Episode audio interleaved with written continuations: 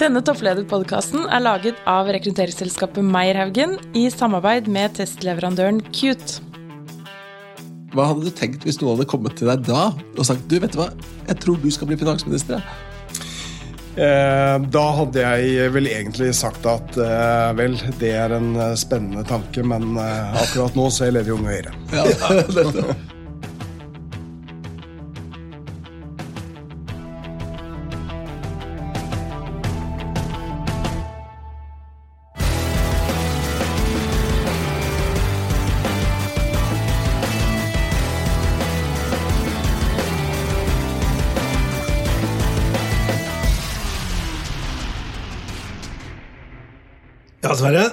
har vi en veldig spennende gjest i studio. Ja, det har vi, og det, det, sier du jo hver gang, Petter. Men jeg må jo si, jeg tror du, du legger litt ekstra i det i dag. Ja, For i dag har vi selveste finansministeren Jan Tore Sanner, og velkommen. Tusen takk. Dette gleder jeg meg til. Og jeg må bare si Det at eh, det å få finansministeren i podkaststudioet vårt, det er vi veldig beæret over. Eh, ikke til forkleinelse for noen av de andre gjestene våre, men det er noe ekstra å ha makten i, eh, i studioet vårt. Ja, For det er jo interessant å høre perspektivet på ledelse fra finansministeren. Absolutt. absolutt. Og så kan vi også komme inn på dette med Norge etter korona. Men uh, Jan Tore, uh, kan ikke du fortelle litt om din bakgrunn, da? Uh, før du ble finansminister? Jeg har vært med i politikken veldig lenge. Jeg var leder i Unge Høyre fra 90 til 94. Uh, og det var vel kanskje da sporen til å bli finansminister kom, for jeg har arrangert den eneste demonstrasjonen utenfor Stortinget som handlet om at man skulle kutte i budsjettene. Uh, og da var slagordet 'Ikke panset Norges fremtid'.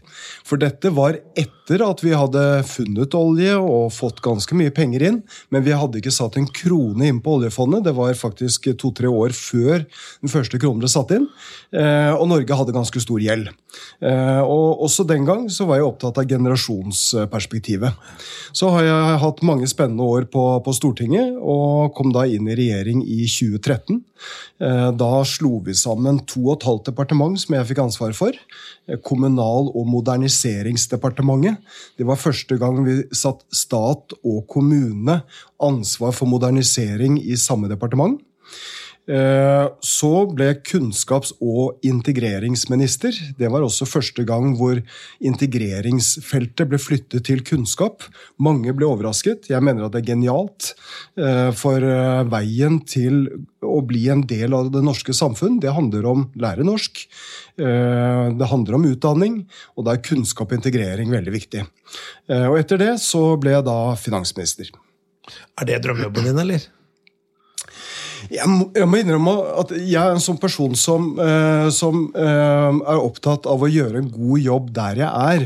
Så Da jeg var kommunal- og moderniseringsminister, så mente jeg at det var den, uh, den viktigste og beste lederjobben jeg kunne ha.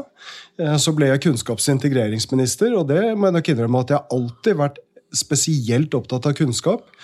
Eh, og det å ta imot seksåringer som begynner på skolen, det er den største opplevelsen jeg har hatt som politiker. Det å se de fem, fem til seksåringene Noen står og knuger mamma og pappas hånd. Noen nærmest hopper frem til, til, til læreren og se alle de små menneskene som er så forskjellige, og som skal inn i et langt utdanningsløp. Eh, det, det gir meg mange refleksjoner. Og så ble jeg jo finansminister. Eh, etter at eh, Siv Jensen gikk, eh, gikk av.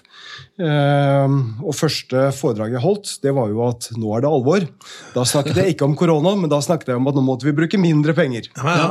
Men, Du var ikke akkurat seksåringen da når du hadde demonstrasjon utenfor her, men hva hadde du tenkt hvis noen hadde kommet til deg da og sagt du vet du hva, jeg tror du skal bli finansminister? Ja.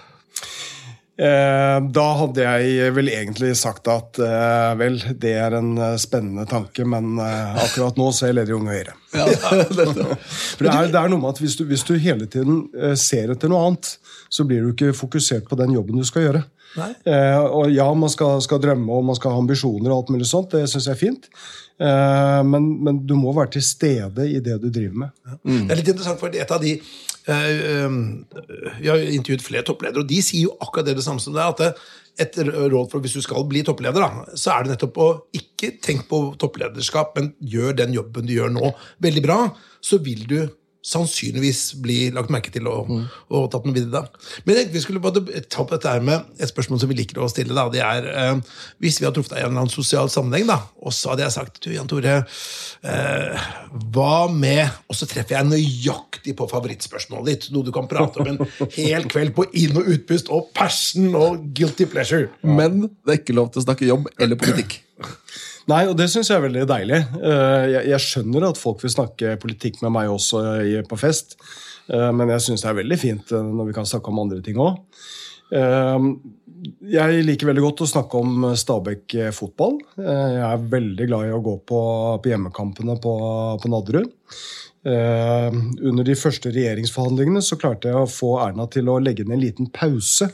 Eh, sånn at jeg rakk andre omgang i en eh, Stabæk-kamp. Jeg sa ikke at det var det jeg skulle, men det passet veldig, veldig bra.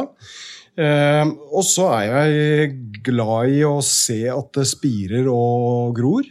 Eh, Enten det er tomatplanter eller om det er solsikker som, som strekker seg. Eh, Det liker jeg å, å prate, prate om. Eh, Så du kan finne, finne mye, mye spennende å snakke om, tenker jeg. Hvordan føler jeg det var 1-0 til deg, da, Petter. på et vis. Vi har en sånn intern liten greie, skjønner du, fordi Petter er veldig fotballinteressert, og jeg kan absolutt ingenting. Mens jeg er veldig glad i jakt og fiske. Men der er ikke du. Eh, Da jeg var liten, så eh, vi gikk på, gikk på tur, så eh, sa alltid broren min at, eh, at han skulle bli, bli jeger. Ja. Og da var mitt svar at da kommer i hvert fall ikke jeg på middag. Nei, Ja, for jeg likte best å sitte og klappe på dyrene. Jeg, Ja, ikke, ikke, ikke da- da Men jeg er veldig glad i å gå i fjellet. Ja. Det er, og jeg kan også gå alene. Eh, Eller kjøre slalåm alene. Det syns jeg er, veldig fint. Det, det gir meg en, eh, en veldig stor frihetsfølelse. Ikke skulle vente på noen, ikke skulle kjøre etter noen, men bare stå helt alene. Ja. Eh, ta på meg hjelmen og briller, og ingen kjenner meg igjen heller. Eh, eller å gå i, i fjellet og bare la tankene fly. Det, det, det gir inspirasjon. Nå gleder jeg meg til vi kommer tilbake til personlighet etterpå. Ja, det da skal vi altså. snakke litt mer om det. Men du, Vi har jo da eh, noen spørsmål vi har tenkt å stille deg, eh, og i denne gangen så gjør vi en liten vri. Vi skal ha da eh, ja, Sverre, vil du gå gjennom spørsmålene? Ja, Vi har jo, eh, pleier å ha det vi kaller tre kjappe, som er da tre spørsmål på slutten, som vi introduserer eh, nå, men så skal du få lov til å besvare de etterpå. Men i dag så er det da den lille tvisten at vi vet bare ett av spørsmålene. Og det er sendt videre fra Jannike Trumpy Grankvist i Kommunalbanken. Og hun lurer på hvordan kan vi legge til rette for bærekraftige forretningsmodeller. Så det er et ganske stort spørsmål som du skal få lov til å svare på på slutten. Og I tillegg så kommer det da en student fra makro, makrostudiet makroøkonomi på Universitetet i Oslo som skal stille to spørsmål på vegne av studentene. Men de er like spennende for oss som for deg, for de vet ikke vi heller. Bra. Men jeg tenkte vi skulle da gå over til dette med eh, Finansdepartementet. da. Altså, Det er jo en organisasjon som alle har hørt om, men hva er hva skal jeg si, hva er mandatet til Finansdepartementet? Ja, noen mener jo at eh, mandatet vårt er å si nei. Eh, Det spøkes jo ofte med at... Det ses jo ikke sånn ut på budsjettene, så er det vel mer ja. Hvis du tenker at det er de største budsjettene i noen, noensinne, så kanskje du må ta en runde på den der pitchen en gang til. Ja, nei, eh, nå, vi jo, nå har vi jo vært i en, eh, i en alvorlig eh, krise, så vi, eh, jeg og regjeringen og Stortinget har jo brukt eh, eh, veldig mye penger. Eh, som jeg mener har vært nødvendig og riktig for å unngå at krisen skulle bli enda dypere. Men eh, vi spøker jo av og til med at i Finansdepartementet sier man nei før man sier hei. Eh, og det er, et, det er et lite alvor i det. Fordi eh, hele systemet vårt det er bygget opp med, med sektordepartementer. Du har Kunnskapsdepartementet, du har eh, Helsedepartementet, du har Barne- og familiedepartementet, Samferdselsdepartementet. Alle de departementene, eh, embetsverket og politikerne, de er opptatt av å få penger til sin sektor. Og da er det Finansdepartementet og finansministerens ansvar å tenke helhet. Eh, Vi må sørge for at vi bruker eh, nok penger, men ikke for mye penger. Vi må bruke det på de riktige tingene, og vi må tenke på de som kommer etter oss. Eh, Og Det er et lodd som, som ligger hos finansministeren. Det er å forsøke å tenke den helheten. Og også tenke på hvilke, hvilke presedens er det hvis vi sier ja til dette. Hvilken virkning vil det ha skape økonomien. Vokser offentlig sektor, vokser privat sektor, legger vi til rette for jobbskapere? Eh, stimulerer vi folk til å stå på, eh, studentene til å avlegge eksamener og alt det der? Mye av det er det finansministerens oppgave og Finansdepartementets oppgave å, å tenke gjennom. Eh, så er jo Den viktigste oppgaven er egentlig å lage statsbudsjett. Lage statsbudsjett det starter vi med i ja, november omtrent.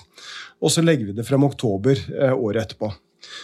og da eh, lager vi eh, både Vi ser på hvor kan vi kutte, hva skal vi prioritere. Så lager vi da det vi kaller for Mars-dokumentet, hvor regjeringen samles for å gjøre de første prioriteringene. Så jobber Er det Halvorsbøl, eller? Ja, for eksempel. Ja. Eller et annet sted. Ja. Nå under korona så har det jo vært litt mer avspist. Ja. Og så møtes vi igjen i august, hvor vi da tar de endelige beslutningene. Så har jo også finansministeren ansvaret for finansmarked, finansregulering. Eh, ansvaret for Norges Bank, for Statspensjonsfond utland. Eh, så det er et stort spekter. Eh, nå under koronakrisen så har jo liksom, statsbudsjettet har bare vært ett av veldig mange budsjetter. Ja. Jeg tror vel jeg har lagt frem åtte eller ni krisepakker. Den første perioden så var det etter at Norge stengte ned, så la vi frem én i uken. Eh, det er saker som vi normalt sett ville like å bruke noen måneder på, helst. Ja. Eh, nå måtte vi gjøre det i løpet av en uke. Og da må du være veldig fokusert på hvilke problem er det du skal løse. Eh, og være veldig trygg på at den løsningen også vil bidra til å skape trygghet for arbeidstakere og, bedrifter. Ja. Men denne situasjonen, for det første så høres det ut som du har en ganske vanskelig jobb. Eh, men den situasjonen med korona er jo ingen som ønsket seg det. Samtidig så må det jo være litt spennende å se på, for da må du tenke nytt. da, Og komme med nye pakker. Det er ingen som har gjort det før. Uh, jo, på sett og vis. Uh, fordi at vi har hatt mange kriser. Uh, vi kan gå tilbake til bare liksom den perioden jeg husker, fra du hadde bankkrisen på 90-tallet. Hva lærte vi av den? Jo, viktigheten av å ha solide banker som hadde kapital som gjorde at de kunne stå imot eh, når krisen kommer. Eh, vi hadde dotcom-bølgen som, som, sprakk. Eh, vi hadde oljepris, vi hadde finanskrisen. Eh, der lærte vi også viktigheten av ikke bare av nasjonale, solide banker, men også i europeisk sammenheng. EU e tok jo grep etter det for å tenke på også europeisk finanstilsyn. Vi kan ikke bare tenke nasjonalt, vi må også tenke i hvert fall europeisk. Så hadde vi oljeprisfallet. Så hadde vi flyktningkrisen, og så fikk vi koronakrisen. Og, noe av det første vi gjorde, eller vil si embetsverket startet jo før Norge ble stengt ned, for man så at dette kunne komme, det var å gå igjennom og se hvilke verktøy er det vi har brukt før. Ja. Eh, hva, hva ligger i verktøykassen, hva kan vi ta frem igjen? Men så er jo ingen kriser heller helt like. Det var ingen som hadde drømt om at vi skulle stenge Norge ned. Eh, det var ingen som hadde trodd at man skulle gjøre det. Eh, og det er klart at da må du tenke helt nytt. Ja. Og Det var vel noe av problemstillingen tenker jeg, for, for vanlig sånn uh, makroøkonomisk teori. Der at er det en krise, hvor liksom mindre aktivitet, da, så gir du gass ved ekspansiv finanspolitikk, putter mer penger inn. Men det kunne man jo ikke gjøre her. Man ville jo ikke ha mer veiutbygging og ville ikke ha flere Folk skulle handle mer i butikken. For liksom, plutselig er det liksom litt naturloven i økonomien de gassen, gasspedalen fungerte ikke, da. Nei, det, det, er helt riktig. fordi at uh, Man tenker ofte som sånn at, uh, at, nå skal du få fart igjen i økonomien. Ja, ja. Vi skulle gjøre det stikk motsatte. Ikke sant? Uh, og, og det, det, første og viktigste verktøyet, det var jo å stoppe smitten. Så verden fikk jo virkelig sett at helsepolitikk og økonomisk politikk henger sammen. Eh, det var en diskusjon om skal vi holde noe aktivitet i gang. Kan vi finne balanse mellom eh, smittevern og aktivitet i økonomien? Eh, noen land prøvde det, det har ikke gått så bra. Mm. Norge var blant de land som sa at vi må slå ned smitten. Mm. Klarer vi å slå ned smitten, så kan vi raskere åpne opp igjen økonomien. Mm. Og Vi ser nå i ettertid at Norge er blant de land som har klart seg best, nettopp fordi vi har klart å holde kontroll på smitten. Mm. Men så er det jo de økonomiske virkemidlene hva du da bruker. Normalt sett vil man si at det er pengepolitikken først sette ned renten, og ja, det gjorde man. Men det var ikke tilstrekkelig. Eh, fordi at bedriften som da må, stenge, vil ha kostnader som løper. Mm. Da hjelper det ikke om bare å få litt lavere rente. Du må faktisk tenke hvordan kan vi få likviditet ut til bedriftene? Hvordan kan vi sikre eh, også soliditeten? Eh, og da hadde vi eh, et veldig tett samarbeid med partene i arbeidslivet. Kjempeviktig. For vi må vite eh, hva er problemet, eh, hva kan virke raskt. Eh, vi jobbet tett også sammen med Finans Norge. Alle partene var inne i dette. Og så har Finansdepartementet Norges dyktigste folk. Eh, ikke sant? Vi har de dyktigste medarbeiderne, toppøkonomer, mye bred kompetanse. Eh, og de, eh, her ble det et veldig tett samarbeid mellom politisk ledelse og, og embetsverket. Så vi måtte også jobbe annerledes ja. for å håndtere dette. Men hvis du da ser på tilbakemeldingen, hva skal jeg si at det kommer til å sikkert bli skrevet en, en, noen hundre bøker og noen doktorgradsavhandlinger og utredninger og all verdens ikke sant, i forhold til hva funka og hva funkerte ikke. da. Men hvis du skal se tilbake på liksom, én ting som du sier å, dette var vi utrolig gode på, men jeg vil også utfordre deg dette kunne vi ha gjort bedre. Sett i ettertid, hva skulle det vært? Ja, det er kompensasjonsordningen for, for ja. næringslivet. Ja. Eh, da, da, det, det ble, kom jo da i stand gjennom et samarbeid eh, mellom Finansdepartementet, Eh, LO, eh, NHO, Virke, SMB Norge og eh, Finans Norge. Og etter hvert også Skatteetaten. Mm. Og vi vurderte da skal vi da gjøre som danskene og etablere en søknadsbasert ordning. Du må ansette folk. du må mm. Nei, folkens, dette nytter ikke. Vi må få pengene raskt ut. Mm. Eh, samtidig så eh, må vi etablere en ordning som er lett å bruke, men vanskelig å misbruke. Derfor Skatteetaten. De, de, kan dette. Eh, men det ble da etablert gjennom et samarbeid med jeg tror DNB var inne i dette, Finans Norge som sagt. Etablert en, en, en digital plattform, søknadsbasert ordning. I løpet av Vi sto på pressekonferanse og sa om tre uker skal dette være oppe. Og vi klarte det. Og det er klart at i normal omstendighet så ville man aldri drømt om å gjøre det på uker. Du ville kanskje snakke om et år eller to. Så den ordningen kom raskt på plass og bidro da til at, at bedrifter som så plutselig at hele livsverket kunne falle i grus, Eh, man trodde bare at skulle, alt skulle gå ned i et stort sort hull. Så sier staten at ok, nå stiller vi opp. Vi får på plass en lånegarantiordning med statsgaranterte lån. Eh, vi får på plass en kompensasjonsordning. Dette skjer raskt. Jeg sa på pressekonferansen at her er det viktigere å handle raskt enn å tenke millimeter rettferdighet. Det kommer til å være bedrifter som mener at de får for lite. Det kommer til å være bedrifter som faller mellom to stoler, men nå må vi få dette på plass. Så det mener jeg var veldig bra. Eh, og hva skulle vi gjort bedre? Mer tid. Ja. Eh, vi har jo noe som heter utredningsinstruksen, mm. hvor man skal se på ulike alternative løsninger. Mm.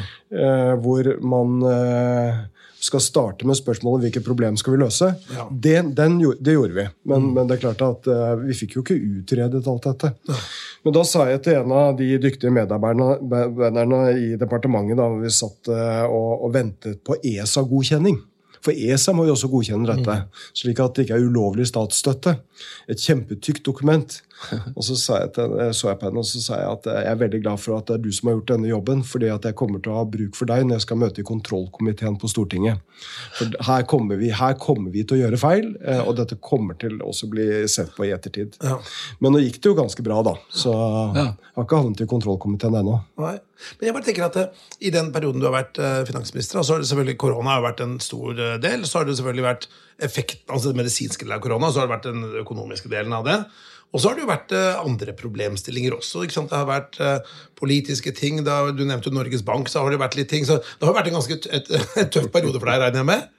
Ja da, eh, alt kom, kom samtidig. Ja. Uh, og vi hadde jo Hvordan har du vært oppi det som Jan Tore, hvordan har, liksom, hvordan har du vært oppi det som person oppi dette, dette levende? da? Nei, altså, nå, nå, har jeg heldigvis mye erfaring. Uh, og erfaring er viktig i en slik situasjon. Ja.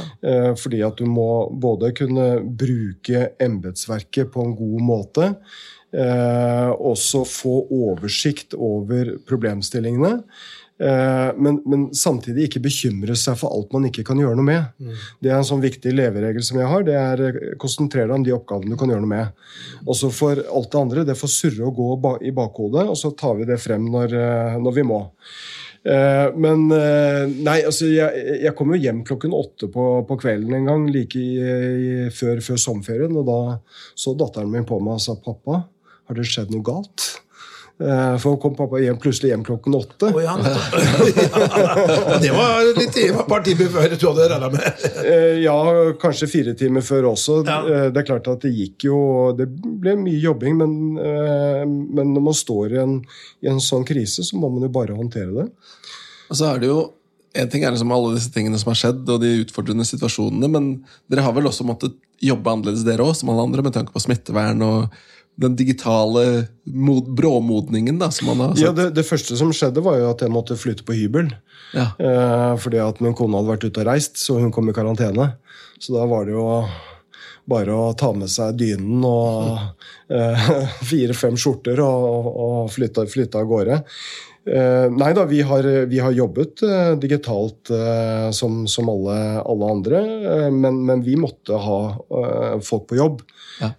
for det, du kan ikke håndtere alt dette på, på, Teams. Du må faktisk være fysisk til stede. I hvert fall på en del, del av det.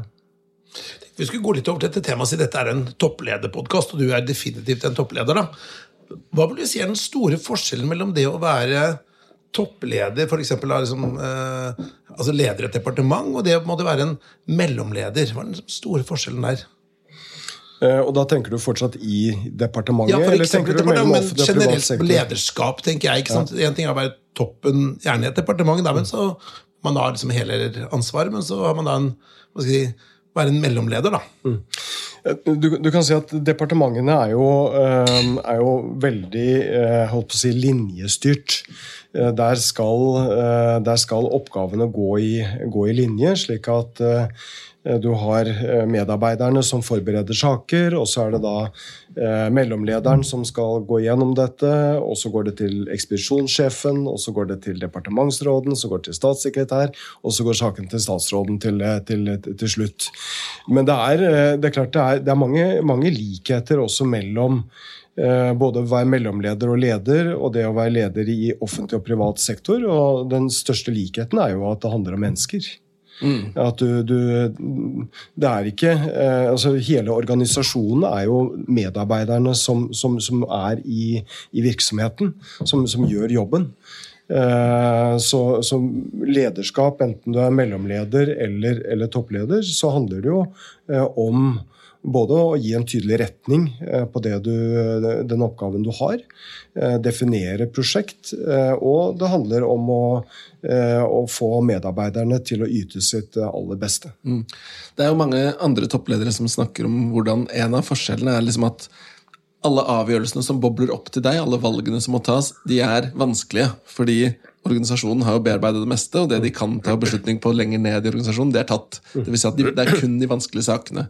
Er det såpass gjennometablert at liksom alt er ferdig tygd, og du ikke må ta valg, eller må du av og til si at ok, her har vi noen alternativer, det er vanskelig å velge, men vi må gå hit? Jeg må ta beslutninger hele tiden. Ja. Uh, og nå, nå, har jeg en sånn habit at jeg leser veldig mye. Uh, så medarbeidere jeg har hatt uh, opp igjennom, har ofte holdt litt ting unna. For de vet at hvis jeg først får det, så, så leser jeg det. Ja. Men Nei, det er klart det er veldig mange, mange dilemmaer. og, og, og så, når du er statsråd, så kommer jo alt til, til, til statsråden. Så før jul, påske og sommer så jeg har alltid sagt at eh, kan dere ikke være så snill å uh, sende siste sak opp én uke før jul? Uh, for første julen som kommunal- og moderniseringsminister så jeg tror jeg fikk inn eh, ca. 20 saker eh, tre dager før jul. Ja. Og da er det bare sånn Nei. så det Og, og jeg, jeg, jeg liker ikke å la ting ligge. Eh, fordi at Hvis det ligger, så bare tenker jeg på det hele tiden. Så jeg liker egentlig å rydde, rydde bordet, få det unna. Eh, så jeg har eh, satt noen tydelige eh, tidsfrister for når sakene skal bli, bli, sendt opp til meg. da, ja. Før jul, påske og, og, og, og sommer. Men det det er mange, mange dilemmaer. Uh, og mange, mange beslutninger. Uh, men, men, min oppgave som, som, statsråd er jo mye å peke ut en retning. Mm. Uh, og i, i, departementene det er så vanvittig mange flinke og engasjerte mennesker. Du har nyutdannede, uh, du har de som har vært der i, i 30 år. Uh, og alle sammen de går på jobb for å gå på jobb for Norge. Det, ja. det er jo litt av forskjellen. altså Hvis du jobber i en, i en bedrift, så er det jo bunnlinjen. Eh, det er, liksom, det er, avgjørende. Så er det jo selvfølgelig veldig mye mer, men uh, i, i, et departement så er det jo ikke noen bunnlinje. Men du går litt på jobb for Norge. Og det, ja. det er en sånn stolthet som jeg mener at folk som jobber i, i, i det offentlige, også skal ha. Hvilke valg syns du er vanskeligst? Hvilken type valg? Uh, ja, altså, det, er jo, det, er jo, litt ulike størrelser på det. fordi at du har, jo, eh, du har jo eh, mye av det som handler om fag. Eh, og der må jeg som politiker lytte til fagfolkene i departementet. Men så er det jo mye som, som også handler om prioriteringer. Og det er klart at det er vanskelig å også si nei til, til, til prosjekter som jeg vet vil komme mennesker til gode. Eh, men, men, det, men, det, er noe med at uh, summen ja. uh, går ikke opp. Uh, jeg er mot summen av alt jeg er for. og Det er litt finansministerens lodd. Det er også å sette noen grenser for hvor mye vi skal bruke i dag, for å unngå at vi skaper større problemer fremover. Men er ikke det noe av problemet med å være finansminister i når du har en pengebikke på, på 11 000 milliarder? Og så har man sånne saker at ja, det er briller til barn med funksjonshemmelse altså, Du hører alle sånne saker. ikke sant? Og så, ja, nei, det har vi ikke råd til. Og så har du liksom den Det er som hvis du har en sånn ekstremt rik onkel da, som Nei, du får ikke den boblejakka der. ikke sant? Altså, det er er ikke det, det er jo et pedagogisk problem, er det ikke det? Eh, jo, eller utfordring. Ja, ja. Eh, men, men, der er det jo gjort veldig mange kloke beslutninger av politikere fra forskjellige partier. Ja. Eh, alt fra at man fikk på plass loven om Statens pensjonsfond utland i 1990. Da etablerte man rammeverket hvor man tok en beslutning om at vi skal bygge opp et fond. Det hadde vært en diskusjon i mange år. Eh, for mange vil nok tenke som så at hvis du først har etablert et fond, så er det vanskelig å si nei. Eh, men da besluttet man skal være et fond, det skal, være, eh, det skal tas beslutninger i forbindelse med budsjettene. Vi skal investere alle pengene i utlandet, for vi må unngå å skyve for mye penger inn i norsk økonomi, sånn bare lønningene går opp og at industrien mister konkurransekraft. Mm. Uh, og så etablerte man etter hvert denne handlingsregelen, som sa at uh, dette skal være et evigvarende fond. Uh, vi tar en ikke-fornybar energikilde, olje, så gjør vi den om til kapital. Så investerer vi det ute, og så bruker vi avkastningen. Og hvis vi da er flinke, så, så har vi dette fondet for, for alltid. Og det er, eh, det er en historie som, som, som, eh, som, jeg tror at de aller fleste i Norge har et forhold til. Eh, at vi har dette fondet som ikke bare kommer oss til gode, men som også skal komme fremtidige generasjoner til gode. Og, og bruker vi for mye i dag, vel, så tar vi fra fremtiden. Et spørsmål som vi liker å stille toppledere, da, og det er jo hva skal jeg si, kenningtradisjon i norsk uh, arbeidsliv. Typisk sånn, Kan du være toppleder for hva som helst, eller er det at du må ha en faglighet? Og La meg utdype spørsmålet. Det vi ofte ser er at uh, Hvis du da jobber som politiker, da, spesielt du har ulike statsrådsposter, ikke sant? så liksom, du har liksom vært innenfor utdanning, og nå er det finans, og så har du vært i, i liksom flere områder. da, ikke sant? Så det er totalt forskjellige arbeidsområder og fagfelt. Du, jeg tenker at Hvis man er en dyktig politiker, så vil man kanskje motbevise det at de som sier at nei, du må kunne fagområdet til fingerspissene for å gjøre en god jobb som toppleder. Mm. Um. ja, jeg vil si at når du er, uh, når du er politiker, så uh, og, og, har en viss erfaring, så kan du gå inn på veldig mange ulike områder. Eh, og Der har Erna også vært flink til å, pushe flere av oss. Eh, da jeg var kommunal- og moderniseringsminister, så tenkte jeg nok egentlig at jeg ville gjerne være der ett år til. For jeg hadde noen prosjekter jeg skulle sluttføre. Eh, men så, eh, så kom hun opp med ideen om at vi skulle slå sammen kunnskap og integrering, og da, eh, da fikk jeg plutselig veldig lyst på det. Ja. Så man har behov for å bli, bli pushet litt òg. Men det kan jo fortone seg litt annerledes, dette med om du kan være leder på alle områder i, i privat næringsliv. Eh, der vil nok mange mene at eh, innenfor en del områder så, så, så bør du kunne faget også. Mm.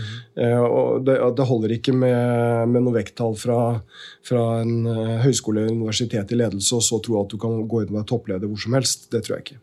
Men da må jeg spørre, stille spørsmål.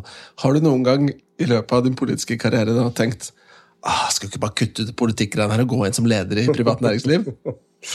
Uh, jo, jeg, jeg, har, eh, jeg, jeg, har jo før hver valgperiode så har jeg tenkt igjennom uh, Har jeg motivasjonen til å fortsette. Er dette noe jeg virkelig har, har lyst til? har jeg fortsatt mer å, å gi? eller skal jeg hoppe av og gjøre noe helt annet? Men, men, du kan ikke gå og tenke på det hele tiden. Nei, nei. Fordi at Gjør du det, så, så er du mentalt et annet sted. Eh, så, eh, så, ja, det kunne vært, vært spennende, men, men, men, det er noe likevel noe med det samfunnsengasjementet. Det kan du ikke bare skru av og på. Nei, nei, Men det er fristende å spørre hvor nære på har det vært? nei eh, jeg, jeg, jeg, har vel ikke vært så nære at, at det like gjerne kunne blitt det ene som det andre. Men, men, jeg har tenkt tanken flere ganger, ja. ja. Vi tenkte å gå på et annet tema. da. Er, vi jobber jo da som et rekrutteringsselskap. og, vi jobber da med mye offentlige eh, kunder. Og da har man dette med offentleglova, da, som da sier i forhold til offentliggjøring av søkelister, som går på offentlighetsprinsippet. Um, så er jo det en del utfordringer eh, i vår bransje. Da. Det er en del kandidater som da ikke har lyst til å søke på stilling, for de er redd for å da bli uh, havne på en offentlig søkeliste. Hva tenker du rundt dette med diskresjon i rekruttering? Plusser og minus rundt dagens lovgivning? Ja. Det, er, det, er et, det, er, et, ordentlig dilemma. fordi at eh, eh, jeg mener at åpenhet er et, er et gode. Eh, og at en søkeliste i prinsippet, og helst, bør være så åpen som mulig. Samtidig så vet vi også at det er en del som da ikke vil søke. Eh, og, og, hvis du stiller det som et ubetinget krav, at du ikke skal kunne eh, ha noe kontakt med søkere på, på forhånd, eh, så går du også glipp av mange av de gode søkerne. Eh, for, eh, for, den, for, en søker vil kanskje tenke som så at hvis jeg nå søker, blir stående på den listen eh, og ikke får den jobben, så vil jeg også bli svekket i den jobben jeg har. Uh, og mange, mange, er jo litt sånn pro et kontra skal jeg søke eller skal jeg ikke søke. For jeg trives jo egentlig godt i den bedriften eller den virksomheten jeg nå er. Uh, men så får man da kanskje en kontakt fra et rekrutteringsfirma eller fra noen i den virksomheten som da sier at du kunne ikke tenke deg å undersøke litt om dette kunne være noe for deg. og da, da mener jeg at den diskusjonen i en periode er, er verdifull. Eh, nettopp fordi at eh, man, det er viktig når du skal rekruttere folk, at, at du har muligheten til å, til å, få den beste til den jobben. Men det er ikke sikkert den beste til den jobben vil søke hvis alt skal være, være, åpent. Så det er et reelt dilemma uh, hvor man må balansere ulike hensyn. Ja. Hvordan syns du dagens lovgivning er nå, eller dagens praksis? Man vet jo det at uten å nevne navn, så er det jo ulike offentlige organisasjoner som praktiserer det ganske ulikt. da. Hva, hva vil du si er liksom sånn beste praksis her, da? Jeg skal være litt forsiktig med å, å, å, si hva som er, er beste, beste, praksis. Det, det, finnes både gode og dårlige, eh, gode og dårlige eksempler. Eh, men jeg mener at det må være rom Eh, for å eh, både ha, bred, eh, ha kontakt med en bredde av potensielle søkere, og at det er mulig også i helt spesielle tilfeller å stå på listen, men da ikke med, med navn. Eh, Så, så jeg, jeg er nok av den oppfatning at man har funnet en rimelig eh, balanse der. Eh, Men jeg syns det også er bra at det er mye diskusjon rundt det. Eh, Fordi åpenhet er en viktig, viktig verdi.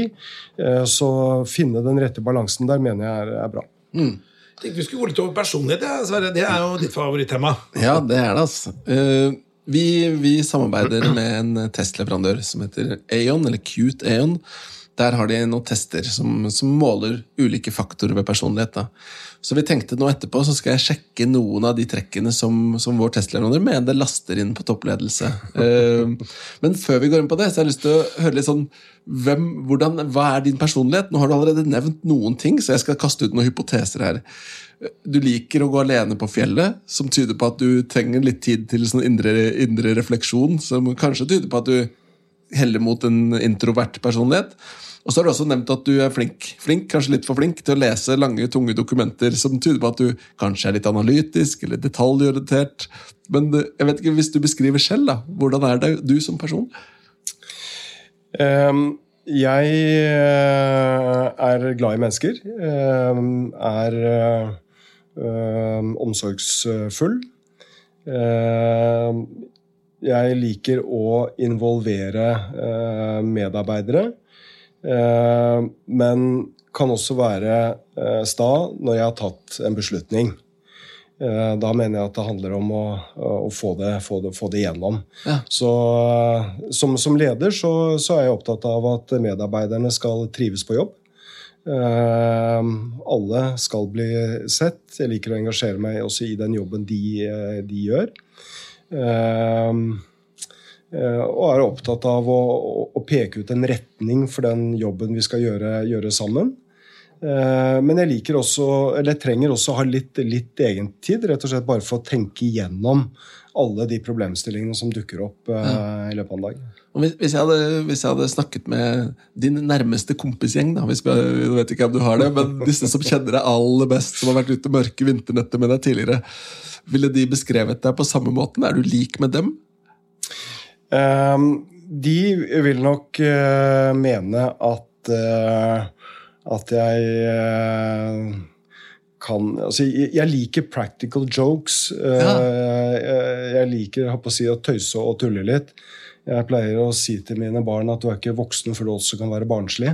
Nei. Eh, Så det er nok litt eh, en miks av ulike personlighetstrekk. Ja, for det er vel kanskje en side man ikke ser så mye av finansministeren på TV, i hvert fall. Nei da, og det var som en av mine beste venner eh, og også tidligere medarbeider har sagt, eller som jeg har jobbet så mye sammen med, som har sagt at eh, hvis det bare var den personen jeg så på på TV, så ville han nok han ikke vært en av mine beste venner. Nei. Eh, men, men det er litt eh, den, den rollen man har. Det er klart, Er du finansminister, så, så, så er det jo alvor. Du skal ikke tulle og tøyse når du er finansminister. Nei. Men på privat så, så må det være lov til å gjøre det. Ja, for det, er noe med liksom, det, det stemmer ikke helt overens med å si nei før man sier hei.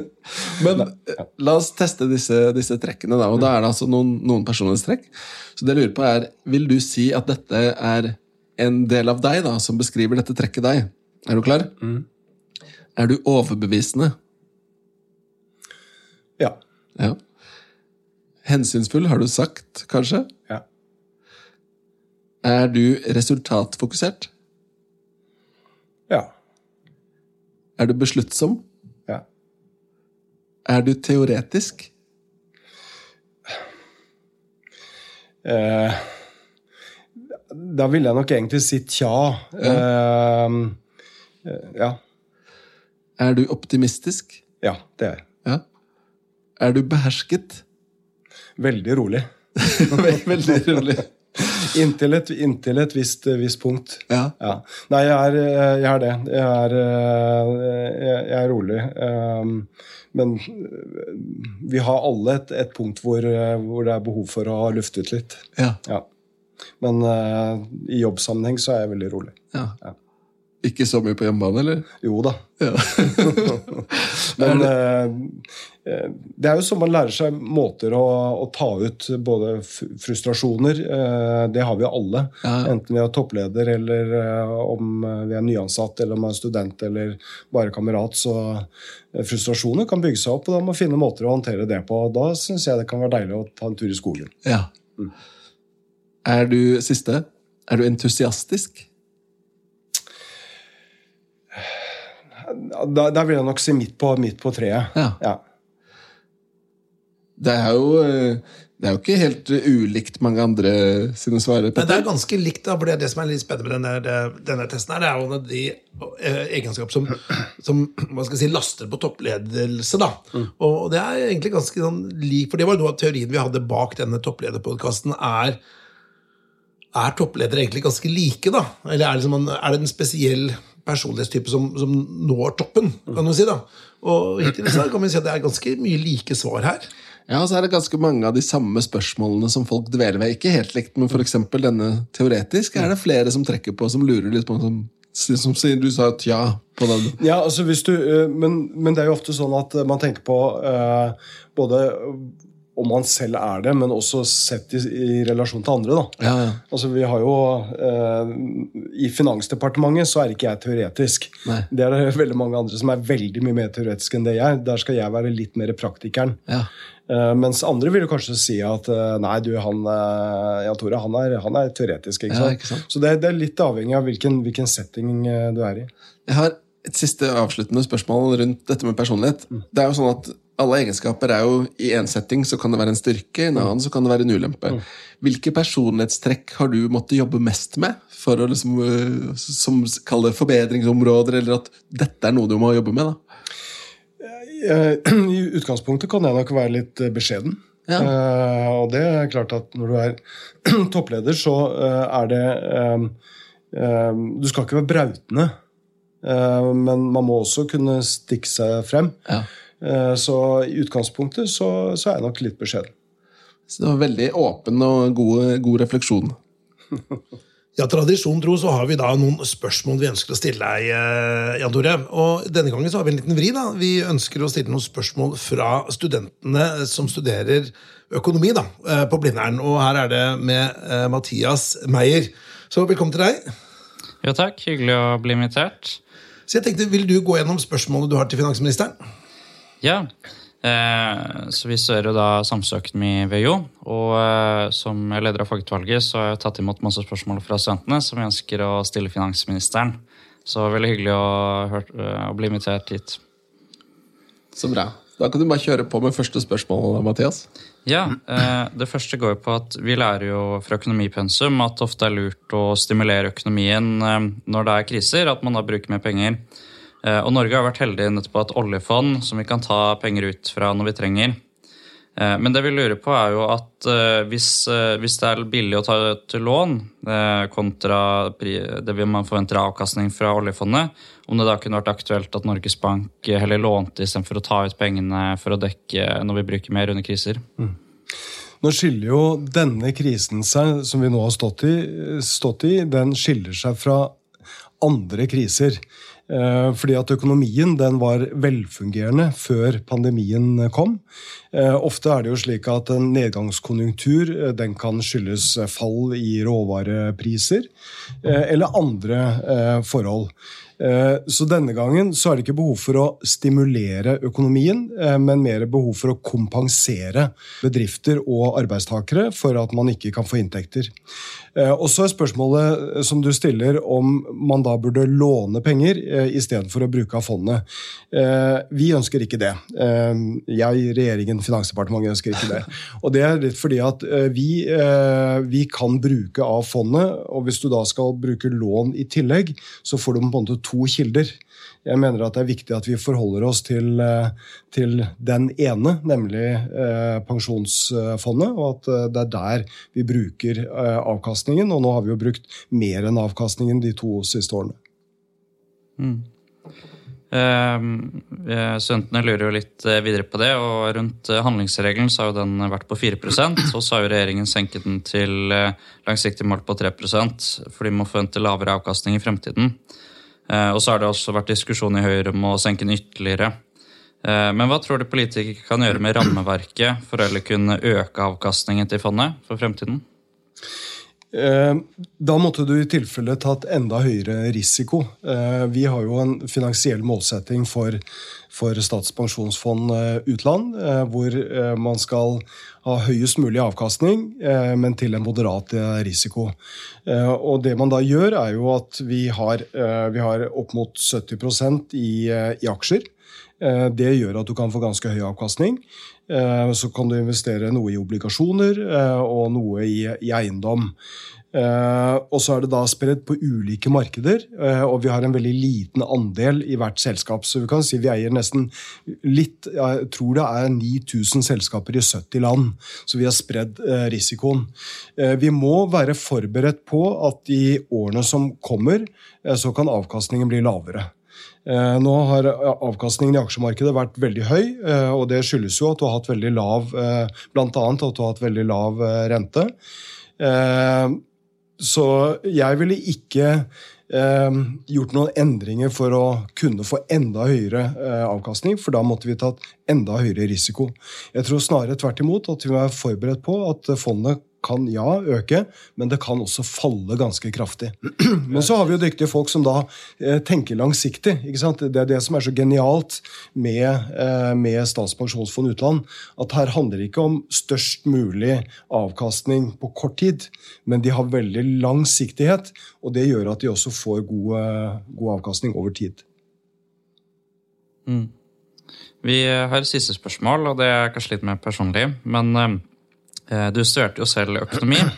Eh, og da lurte vi på, når du da har gått fra å være student, økonomistudent til å plutselig være finansminister, hvordan føles det å kunne utøve i praksis det du lærte på skolebenken, og hva har du tatt med deg videre?